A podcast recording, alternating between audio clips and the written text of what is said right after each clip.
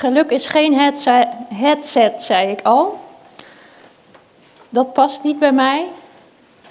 Wat ook niet bij mij past, is een lezing over opvoeden. Laat ik het maar meteen zeggen. Op een of andere manier ben ik er toch ingeluisterd vandaag. Ik weet niet meer hoe. Maar normaal gesproken, als ik uitgenodigd word om te schrijven of te spreken over opvoeden, zeg ik, daar doe ik niet aan. Aan opvoeden wel te verstaan. Ik heb altijd een knagend gevoel van onvermogen bij het woord opvoeden. Dus ik lees ook nooit opvoedboeken. Ik volg ook geen mama-blogs, daar word ik alleen maar onzeker van. Dus ja, hier sta ik. En ja, ik zeg het maar eerlijk, opvoeden kan ik niet en het voelt ook niet als iets doen. Ik ben wel moeder van vier, dus opvoeden is wel geacht wat, wat ik geacht word te doen. Maar het voelt niet als iets doen. Het is veel eer iets dat door mij heen gebeurt. Nou, aan de ene kant is dat bevrijdend om zo te denken. Je hoeft er alleen maar te zijn en het gebeurt al. Simpel. Aan de andere kant gebeurt er iets dus waar ik geen grip op heb. Dwars door mij heen. Mijn kinderen zien mij, ze observeren mij, ze horen mij en dat doet iets met hun geest. Nou, dat geeft mij best wel een gevoel van kleinheid en schaamte en soms ook angst. Wat zal de toekomst openbaren over mij als opvoeder? En wat zal ik daarvan terug horen? Ik schrijf en ik spreek, dus af en toe denk ik, ik verdien niet veel, maar ik laat in elk geval nog iets na voor mijn kinderen. Maar de keerzijde is, mijn kinderen weten wie ik ben. Dus als mijn woorden niet sporen met wie ik ben geweest als persoon, zijn ze voor hen niks waard. Dat geldt voor elke opvoeder. Als je woorden niet sporen met wie je bent, dan keren ze zich eerder tegen je. Dus het gaat om wie je bent. Met het spreken over de seculiere wereld heb ik ook al een beetje een probleem. Het suggereert dat wij in een bepaald vreemd kamp leven. Onze tent staat in een vreemd kamp. Maar de normen en waarden anders zijn dan de onze. En binnen die context moet je ook nog eens je kinderen opvoeden. In zekere zin is dat natuurlijk ook zo. Gaan we weer. Er is nog nooit zoveel aan mij gefrunnikt als deze middag.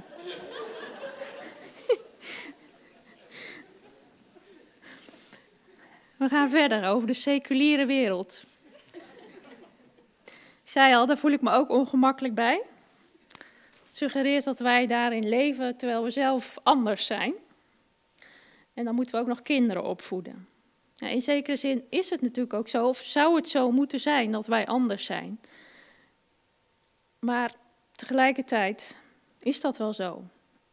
Kunnen wij wel buiten onszelf wijzen als we het over de seculiere wereld hebben? Wij zijn die seculiere wereld. Christenen hebben net zo goed last van secularisatie als anderen. En niet zo'n klein beetje ook. Dit wordt niet een heel depressief verhaal hoor. Het woord hoopvol komt ook nog aan bod.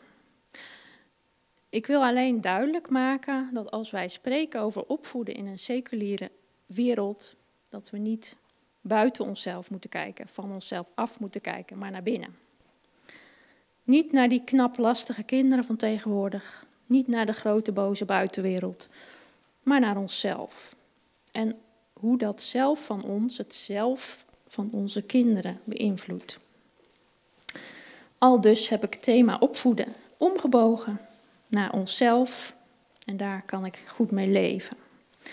Opvoeden is dus de manier waarop onszelf het zelf van onze kinderen beïnvloedt. En dan secularisatie. Wat is secularisatie? Nou, Herman Paul, dokter Herman Paul heeft daar een indringend boek over geschreven, De Slag om het Hart. En daarin kun je de boodschap lezen dat secularisatie niet zozeer gaat over kerkverlating of over niet meer geloven, maar het begint in ons hart. Het begint bij je diepste verlangens. Ik citeer Herman Paul. mensen kunnen seculariseren in hun gedrag, in hun denken of in hun voelen. Maar ingrijpender dan dit alles is secularisatie van verlangen. Deze treedt op als verlangens naar succes, status of geluk belangrijker worden dan verlangens naar God en zijn toekomst. Dat wil niet zeggen dat verlangen naar God geheel verdwijnt, maar dat het naar de achtergrond verschuift, omdat andere, minder geduldige, salonveeg, sociaal aanvaardbare verlangers zich op de eerste rij verdringen. Van secularisatie van verlangen is sprake als mensen hun verlangens allengs meer in het hier en nu vervuld willen zien. Als wij in de spiegel kijken, zie je dat reformatorische mensen hierin eigenlijk niet anders zijn dan hun onkerkelijke buren. verlangens zijn besmettelijk, net als corona. Het springt over van de ene mens naar de andere. Het stond van de week nog in de krant. Iemand had een speelhuisje geplaatst. En na een week verscheen er achter de schutting in de andere tuin ook een speelhuisje. En even later op de hoek van de straat een luxe speelhuisje met een glijbaan. Nou, hetzelfde kun je zien aan dakkapellen bijvoorbeeld. Als de een een dakkapel zet, dan doet de ander in de straat dat ook. Het is echt soms om te lachen gewoon hoe dat zich verspreidt. Maar zo gaat het dus met verlangens. En ook onze definitie van geluk, van reformatorische mensen, van christelijke mensen, is heel vaak, ook al zeggen we dat niet zo, huisje, boompje, beestje. En dan is dat ook nog eens een rupsje nooit genoeg, want het is vaak ook nieuw huisje, boompje weg voor een trampoline, beestje moet een schuur. Nou, ga zo maar door. Dus als wij onze kinderen gelukkig willen zien, dan proberen wij ook zoveel mogelijk van hun verlangens te vervullen. En in Nederland leven we in zo'n onvoorstelbare wilde dat je ook heel veel verlangens kunt vervullen. Ik weet dat er ook armoede is. Er gaan kinderen met honger naar school. Dus ik wil dat niet bagatelliseren. Maar als je in Nederland een modaal inkomen hebt, behoor je tot de 3,5% rijkste mensen van de wereld. Om maar even een vergelijking te maken. En dan kun je dus materieel gezien heel veel verlangens vervullen. En ook op het gebied van lichamelijke zorg of psychische zorg. Maar wat als dat niet kan? Hoe ga je daarmee om? Wij hebben daar zelf eens mee te maken gehad. Door onze tuin. Een schitterende tuin achter ons huis. Heel groot, heel groen. Er staat nu een walnotenboom die vrucht draagt. Je kunt er lekker zitten, je kunt tafeltennissen, je kunt de badmintonnen. Maar de kindervragen kwamen. Waarom zetten wij niet een groot zwembad neer? Waarom mogen wij niet een trampoline? Waarom mag ik niet voetballen nu? En dan was het antwoord, ons refrein was, deze tuin is niet van ons. Want wij hebben een leentuin, zo noem ik het altijd. En we kunnen daar niet alles doen wat we willen. Het is een paradijsje, maar het ligt achter de universiteit, Theologische Universiteit van Kampen. En wij wonen daarnaast. En als wij uit ons schuifraam stappen, dan stappen wij in de tuin van de universiteit. En die mogen wij gebruiken. Maar hij is niet van ons. Dus, nee jongens, zo'n grote permanente trampolineplaatsen gaan we niet doen. Ah, maar dan mogen de studenten er ook op. Nee. De recentste donkere wolk was dat de Theologische Universiteit gaat verhuizen. Dus raken wij dan onze tuin kwijt? Dat was het gesprek van de dag. Wat gaat ermee gebeuren? Wordt het een, een, een parkeerplaats? Oh horror. Wordt het een appartementen, appartementencomplex? Het kan allemaal beslist worden zonder dat wij er ook maar enige invloed op hebben. En straks, als dat parkeerplaats wordt, dan houden wij nog net een postzegel grond over, die is echt van ons. Dan kun je met opgetrokken knieën net in de zon zitten. Dat is tenminste echt van ons. Of niet? Recent is trouwens bekend geworden dat wij grond gaan kopen van de universiteit, omdat ze toch weggaan. Maar dat, is even, dat roept andere vragen op en dat komt later. Maar als ouders waren we heel blij met deze leentuin. Dat snapt u, want je hebt wel de lusten, maar niet de lasten. Het onderhoud wordt allemaal gedaan. Maar ja, het schuurt ook wel eens. Want ja, na elk weekend moet je de tuin weer netjes achterlaten. Je mag niet je tuinstoelen laten staan, die slepen we altijd weer terug. Dus ja, het schuurt ook wel eens. Maar die leentuin, hè, die confronteert ons wel met een bijbelse waarheid, namelijk dat wij deze wereld mogen gebruiken. We mogen ervan genieten, maar hij is niet van ons. De hele wereld is in feite een leentuin en wij werden daar even met onze neus bovenop gedrukt.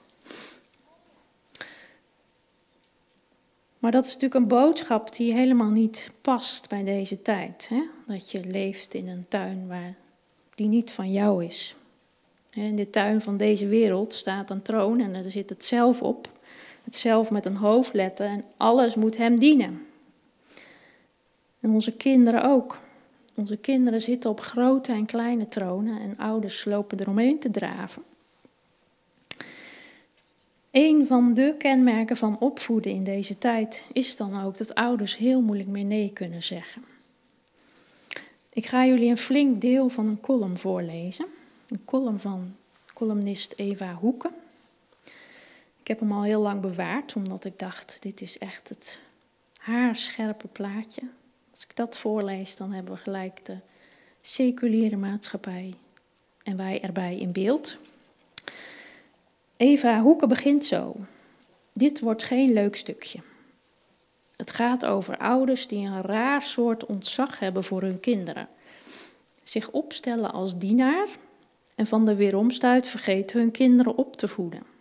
En daarvan zijn er een hoop. En dan zegt Eva dat ze zelf echt geen strenge moeder is, maar wel duidelijk. Nee is nee. Tijdens het praten kijk je iemand aan. S'avonds is het stil. Met eten wordt niet gespeeld. En als je iets wil, kun je dat ook met een gewone stem vragen. Ik dacht altijd dat dit normaal was, maar telkens als ik denk dat we de zaak zelf ook niet helemaal onder controle hebben, ook in ons huis wordt geleefd, komt er iemand voorbij die het nog veel slechter doet. Kinderen die schreeuwen, kinderen die gesprekken onderbreken, kinderen die drenzen, kinderen die hun aangevreten kadetje laten liggen, maar wel iets anders willen en krijgen, kinderen die geen antwoord geven als je iets vraagt, kinderen die ongevraagd naar boven lopen, kasten opentrekken, naar koek zoeken, kinderen die jengelen dat ze naar huis willen, kinderen die jengelen dat ze niet naar huis willen, kinderen die pleisters eisen op onzichtbare wonden, Kinderen die vallen en vervolgens zo huilen dat iedereen in de wijde omtrek hoort dat het aanstellerij is, behalve pa en moe. Meer voorbeelden zijn niet nodig. U kent de verhalen. Vervolgens schrijft ze, Eva, dat ze eens voor rotmoeder is uitgemaakt omdat ze haar dochter ophaalde na een middagje spelen. En het beëindigen van die gezelligheid zorgde voor enige kortsluiting bij het kind des huizes. Interessant was de reactie van de moeder van dat kind. Die mompelde een soort vermaning die meer voor mij bedoeld was dan voor haar dochter. Vroeger, schrijft Eva Hoeken, zou mijn moeder me bij kop en kont hebben gepakt en naar mijn kamer hebben gestuurd. Grote waffel, korte metten. Je vader of moeder slaan of schoppen, ondenkbaar. Nee, dan nu. Een verzuchting, een vraag, wat is er toch met je? En in het slechtste geval schieten ze de opstandige larf nog te hulp, met excuses ook. Kind is moe, kind is ziek, kind is overprikkeld. Nee, schat, je kind is niet ziek, je kind is vervelend. Voor de goede orde, kinderen zijn soms vervelend, die van mij ook. Maar dat is precies waarom er een ouder nodig is om dat gedrag te corrigeren zodat ze een level verder komen in het leven en later een leuk mens worden. En ze schrijft dat kinderen die helemaal geen nee te horen krijgen, nu niet en later niet, hun ouders nu schofferen, maar later hun personeel en iedereen om hen heen. En ze eindigt met de zin: Ik zei het al, dit is geen leuk stukje. Maar iemand moet het zeggen. Nou, dit is echt een bericht rechtstreeks uit de seculiere wereld. Het is een columniste in de Volkskrant. Maar als wij nu eens in deze akelig heldere spiegel kijken, en wij zouden het misschien iets anders verwoorden, wat minder ruig. Maar verder, denk maar eens na. Ik zie het om me heen, gezinnen waar elke kinderverjaardag elk kind cadeautjes krijgt, omdat er anders huilende, jaloerse kinderen zijn die niet jarig zijn. Kinderen die op drie dingen tegelijk zitten. Turnen, muziekles en sport of tekenen omdat ze niet kunnen kiezen.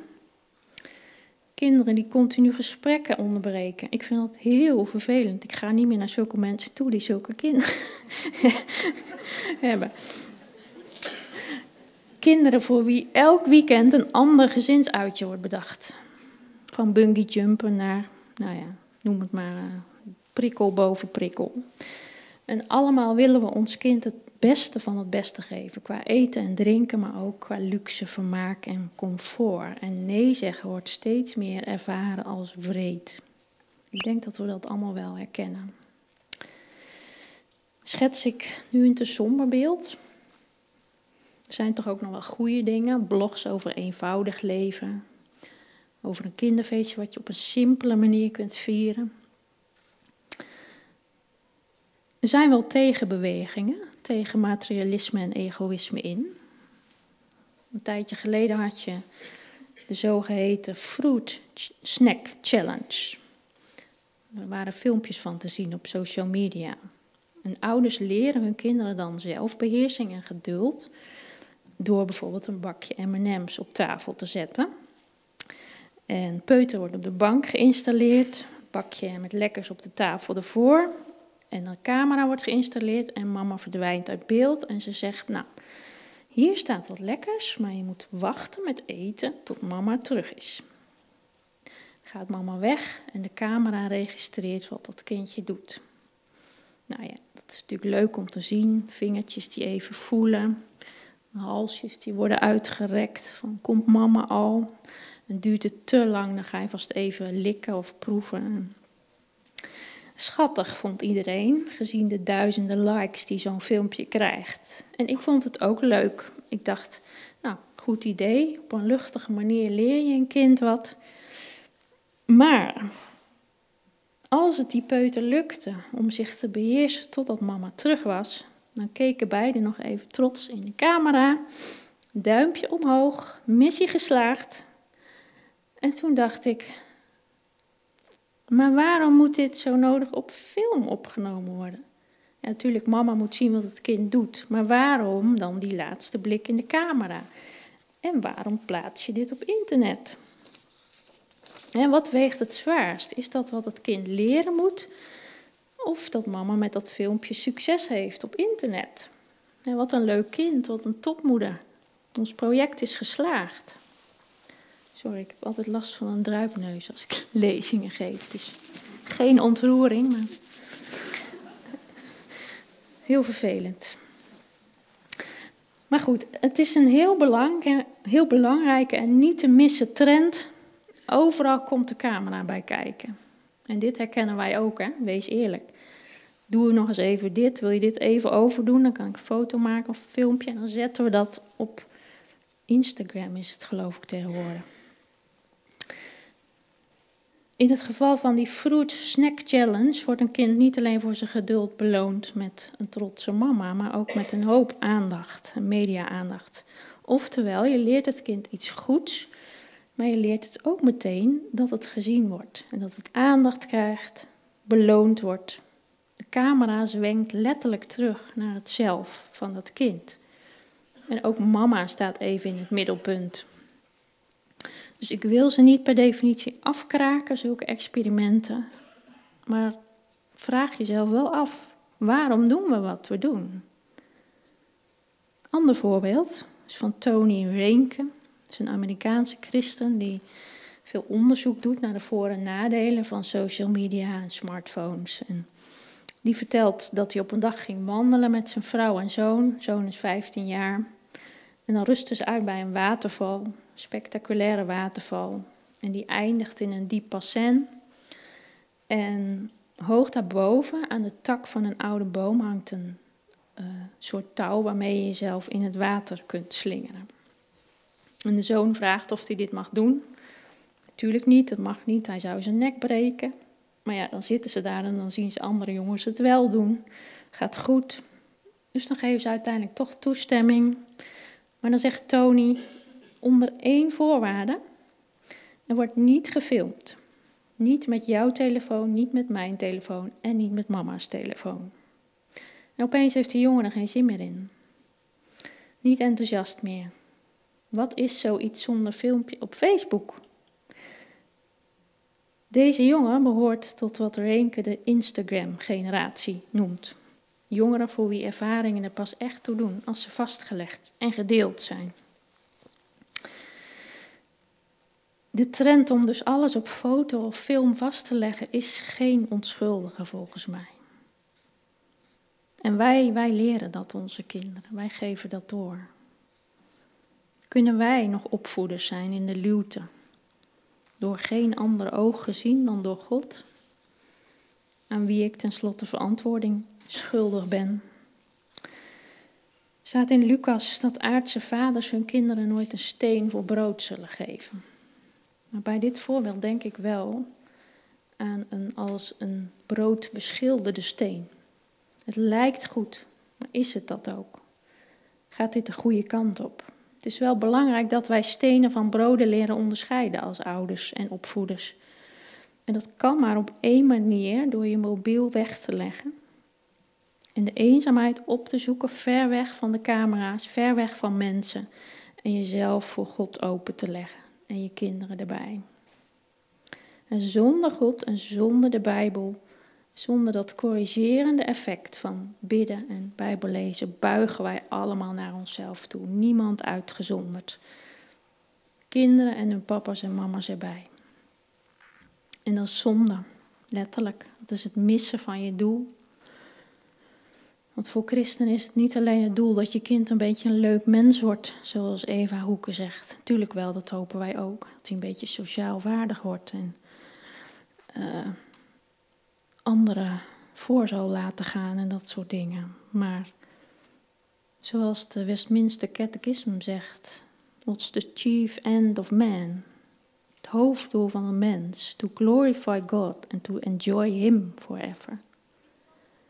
God verheerlijken en Hem genieten voor altijd. En dat is een beweging ver van jezelf af.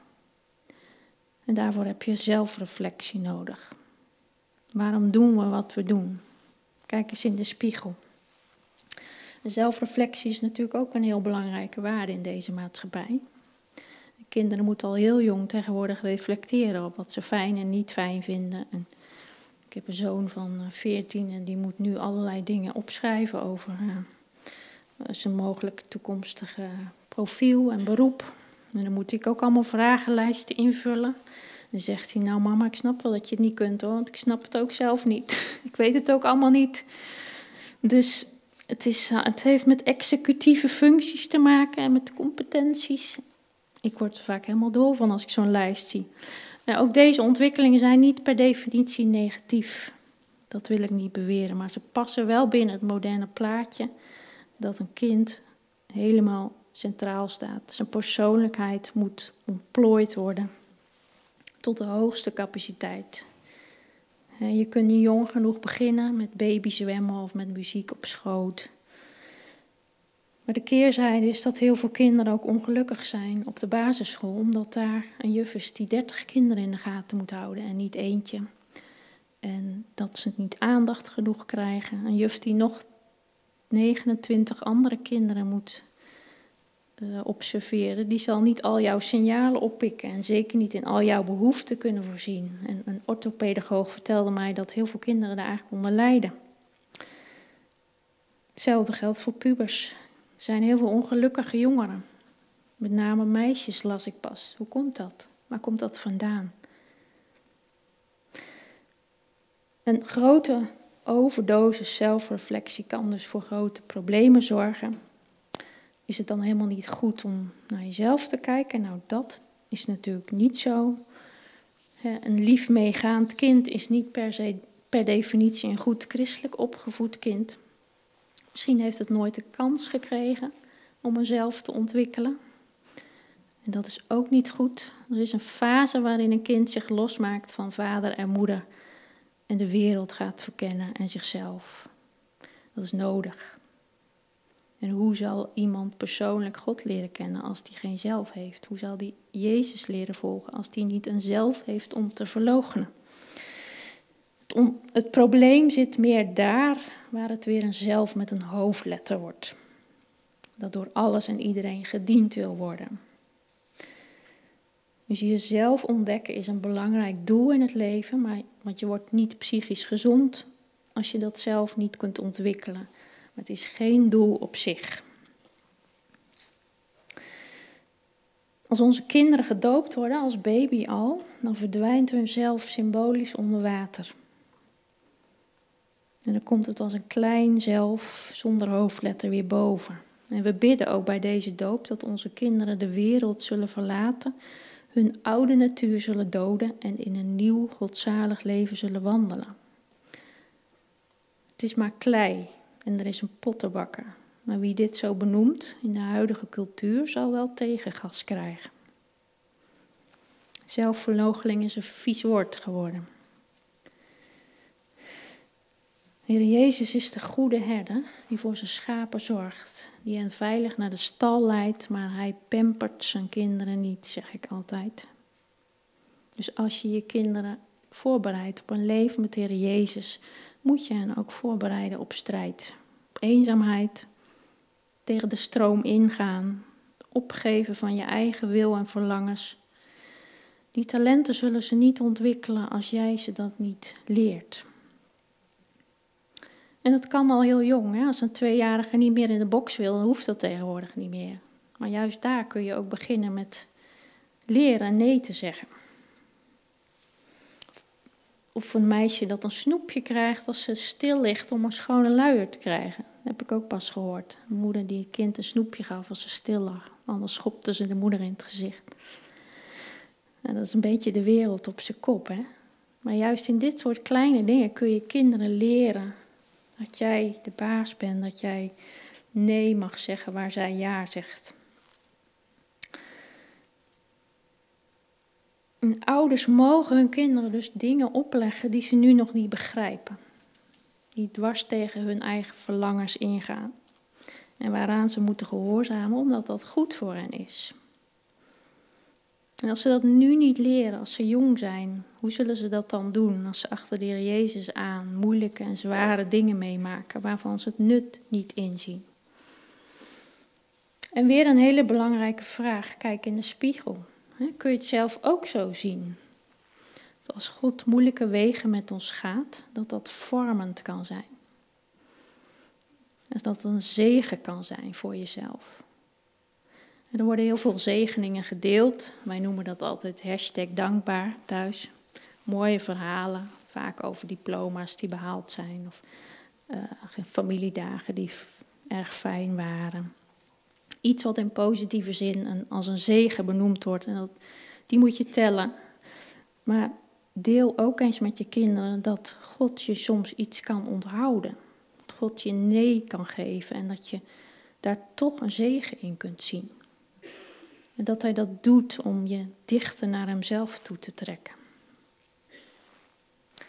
Een vruchtbaar leven betekent ook gesnoeid worden, bladeren verliezen, gedrukt worden, druiven moeten uitgeperst worden om te vloeien. Dat is een christenleven. In de verdrukking, gesnoeid, gehakt, gebroken om gedeeld te worden. Het is natuurlijk wel belangrijk dat je als ouders en als opvoeders je kind dient hierin en niet jezelf.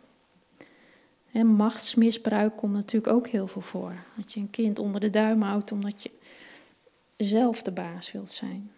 En de ergste dingen zijn goed gepraat met de hand op de Bijbel van ik ben de baas over mijn kind. Dus gehoorzamen zonder te begrijpen wil ook niet zeggen dat je nooit iets hoeft uit te leggen aan een kind. Natuurlijk moet je dat zoveel mogelijk doen. Hoe ouder en ontwikkelder ze worden, hoe meer dat ook kan. De Heer Jezus heeft ook veel tijd besteed aan het uitleggen van de dingen van het koninkrijk. En hij wilde ook dat zijn discipelen het zouden begrijpen. Hij leerde hen ook volgen zonder vragen. En ze volgden omdat ze hem vertrouwden. En die vertrouwensband moet er natuurlijk ook zijn tussen kinderen en ouders en opvoeders in brede zin. En ik zeg erbij, tussen ouders en elk kind apart. kinderen moeten leren ook niet naar anderen te kijken. Dat is ook een bijna heilige opvoedwaarde tegenwoordig, gelijkwaardigheid. En ook daar zit iets goeds aan, want pesten is veel meer in beeld volgens mij. Kinderen hebben meer respect voor de ander, doorgaans vind ik, dan vroeger. Maar het maakt hen ook heel bewust van een rechtvaardige behandeling die ze kunnen opeisen. Bij ons werd altijd gekeken hoeveel limonade er in de glazen zat. Of ze bijna de centimeter erbij gehaald van, ja, maar hij heeft iets meer dan ik. Zijn de plakken koek wel even dik? Neem altijd de dikste. Hij deed het ook. Daar werden wij altijd heel kwaad om als de kinderen dat zeiden. Hij deed het ook. Ja, maar daar mag jij het nog niet doen. Kinderen zijn eindeloos aan het vergelijken. Ja, dat hebben ze ook van iemand geleerd natuurlijk. Maar ook dit is bijbels gezien aanvechtbaar. Volg gij mij, zei de Jezus tegen Petrus. Toen die zich afvroeg hoe het Johannes zou vergaan. Het is belangrijk dat je elk kind recht doet, dat je niet voortrekt en dat je op elke, elk verlangen en behoefte let. Het is opvoedkundig ook gezien, gezien belangrijk dat je hier erkenning voor geeft. Ik weet dat je dit lastig vindt, mag je best zeggen. Maar het is ook vormend voor een kind om dan toch te horen: jij krijgt niet wat je broertje krijgt, omdat hij dit nodig heeft en jij niet, of omdat hij jarig is en jij niet. Wachten en geduld hebben horen bij een leven met God. En opnieuw, dit kunnen we alleen doorgeven als we dat zelf ook voorleven. Heel veel gezinnen sparen voor iets, hè? Een vakantie of een boot of een uitje. Dat gaat ook over wachten en geduld hebben. En uiteindelijk levert dat wachten natuurlijk iets op voor jezelf. Dat is ook niet per definitie altijd verkeerd, maar in de lijn van de Bijbel zou je heel regelmatig ook een, een stapje verder moeten gaan, namelijk iets weggeven. Ook dat is een geheim wat kinderen niet kennen als opvoeders en daarin niet meenemen. Het geheim van zaliger is het te geven dan te ontvangen.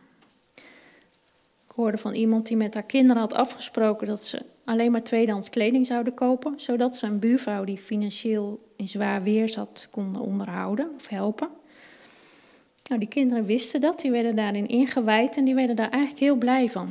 Kinderen worden vaak heel blij van dit soort dingen. Probeer het vooral uit. Zeg, we gaan niet sparen voor die, uh, is het, uh, de vakantie naar Turkije, maar uh, voor de buurvrouw. Ga maar eens bidden wie je kunt helpen, financieel of emotioneel. Doe dat maar eens met elkaar. Kan je verzekeren dat zulke gebeden echt een antwoord krijgen moet je trouwens wel rekening mee houden. Dat je dat niet zomaar kunt bidden zonder dat er een consequentie aan verbonden is. Het leren verloochenen van jezelf is heel vormend, maar ook de moeilijkste taak, denk ik, nu in de deze tijd voor opvoeders. We vinden het voor onszelf al lastig, maar helemaal als onze kinderen ongelukkig zijn. Hè? Dat raakt ons nog meer bijna. Dus zo snel mogelijk wil je die omstandigheden veranderen. Dan zit je weer in een heel groot spanningsveld, want je kunt heel veel veranderen in dit luxe land. Je kunt je kinderen naar school brengen als het regent met de auto, ook als het niet regent. Als je kind niet alleen de klas in durft, wat doe je dan? Ga je dan met hem mee? En doe je daar dan altijd goed aan? Mijn jongste zoon heeft autisme-diagnose. Nou, ik zit heel vaak met dat soort vragen. Van, zal ik dit voor hem oplossen of niet? Maar hij moet ook een stapje verder komen. Dus dan moet hij dingen alleen doen die mij wel... Zit ik de hele morgen met pijn in mijn buik te wachten tot hij weer thuis komt. Hoe is het gegaan? Maar moeten we soms niet dingen toelaten die ons kind moeite of pijn bezorgen, omdat het vormend is? Of sterker nog, beproevingen die de Heer zendt, misschien om je kind te vormen voor een toekomstige taak of Persoonlijk vind ik dat een van de moeilijkste vraagstukken. Hè? Bijvoorbeeld als een kind eenzaam is en geen vrienden heeft.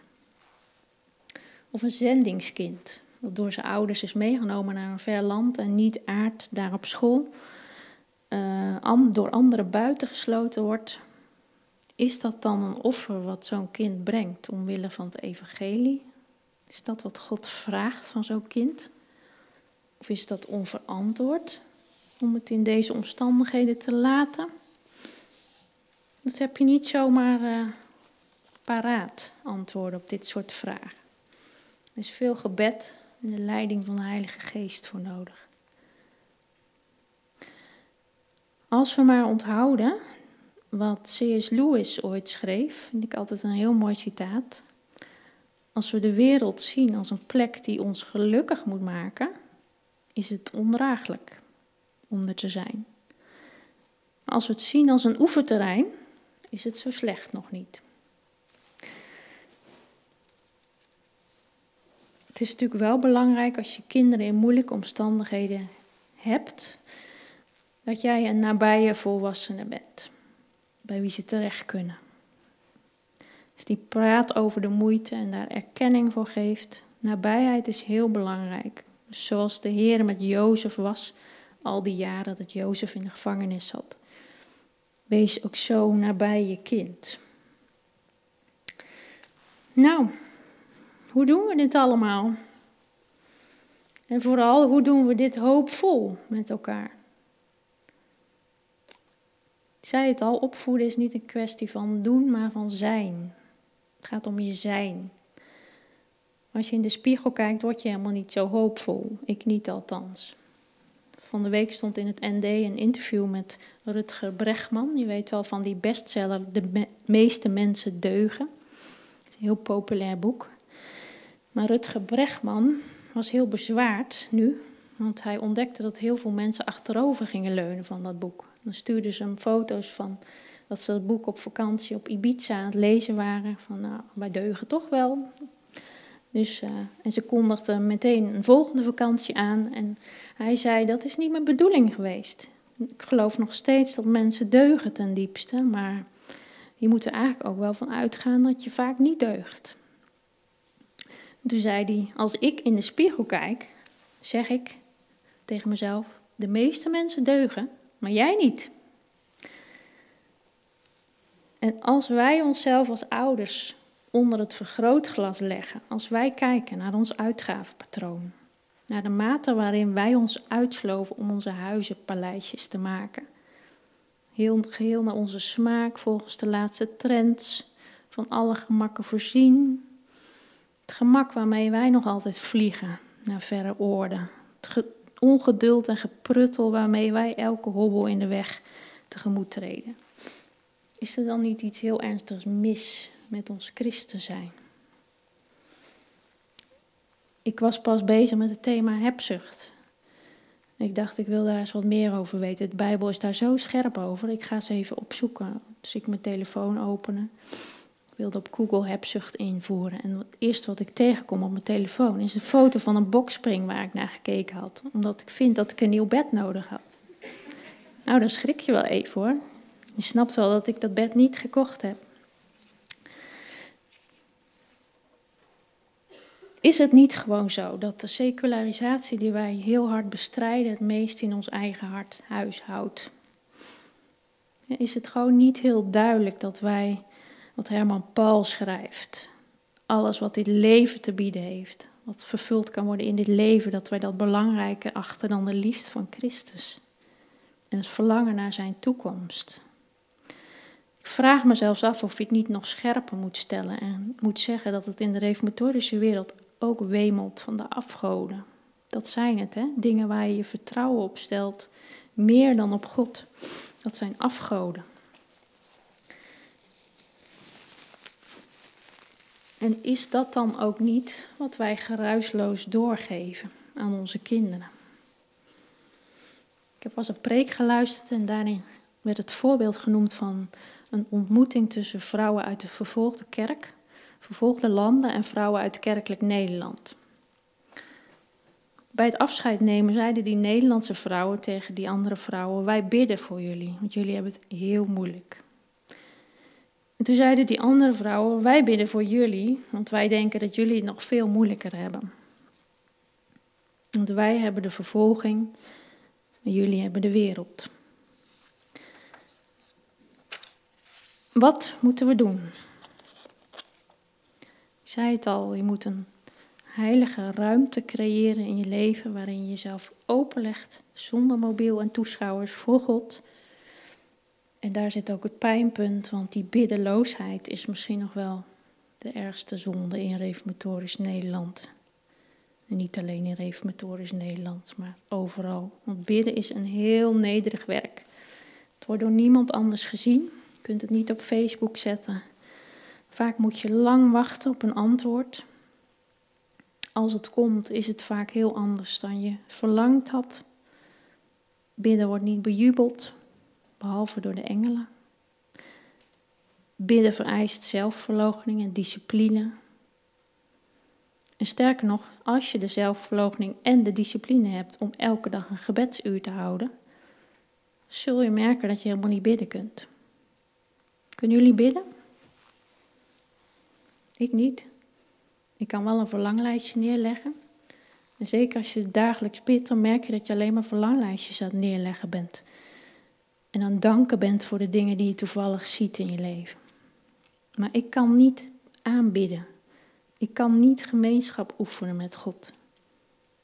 Dat heb ik niet. Daar heb ik de geest voor nodig. De Heer Jezus, de geest van Christus. En dat is dan ook het enige antwoord op de vraag: wat moeten we doen? Of eigenlijk is het niet de goede vraag: wat moeten we doen, maar wie moet het doen? En dat antwoord is Jezus. Ik moet heel veel lezing houden dit, dit najaar. En elke keer denk ik, je vraagt dingen van mensen die ze niet kunnen. Ik spreek over homoseksualiteit. Ik leg uit dat de Bijbelse lijn is dat je geen seksuele relatie kunt hebben met iemand van hetzelfde geslacht. Kan eigenlijk niet in deze maatschappij zonder God. Ik moet binnenkort spreken over niet bezorgd zijn. Wees niet bezorgd, staat er in de Bijbel. Kunnen wij helemaal niet. En ook opvoeden kunnen wij niet kunnen wij niet zonder de Heer Jezus. En de meeste van ons, althans dat hoop ik, die zullen zeggen: Ja, maar ik geloof wel in de Heer Jezus. Ik geloof dat ik door zijn bloed behouden ben. Maar wie zegt er: De Heer Jezus leeft in mij? Jezus is mijn eten, mijn drinken, mijn alles.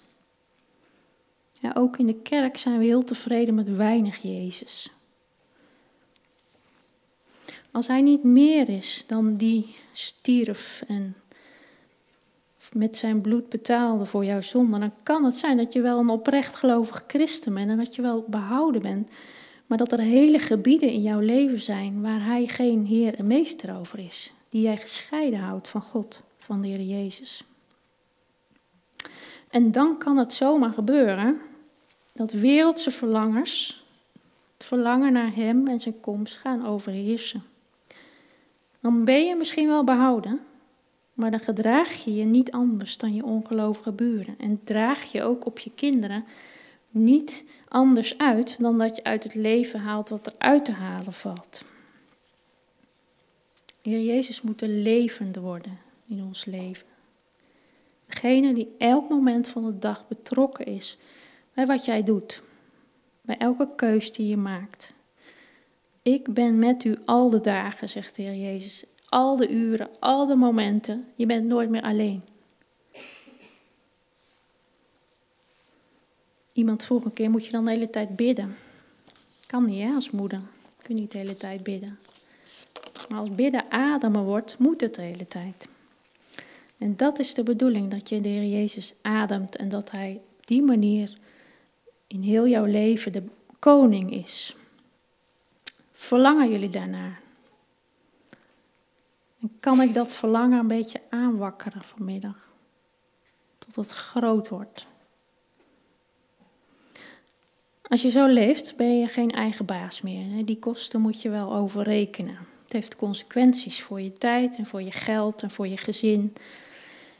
Ik zei het al, wij mogen tuin kopen van de universiteit. Nou, Het is voor het eerst dat ik überhaupt zoiets doe.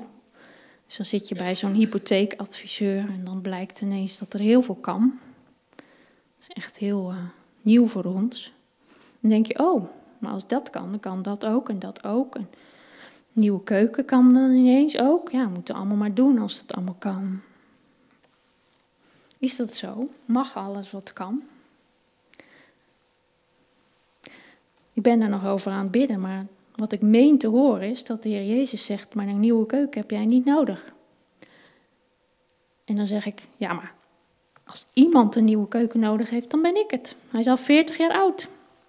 Kastje scheef, dat soort dingen. Nieuwe keuken heb jij niet nodig. Ja, maar dat is de wereldse manier van denken. Het vergelijken wat onze kinderen ook doen. Als die een nieuwe keuken heeft, dan mag ik het ook. Maar ons geld is niet van ons. Het is niet van ons. En onze man, onze kinderen zijn niet van ons. Ons huis niet.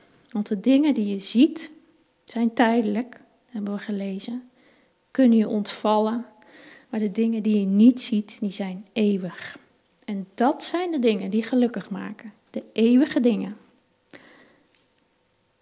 En nu moet je oppassen dat je van het christenleven hier niet iets karigs maakt.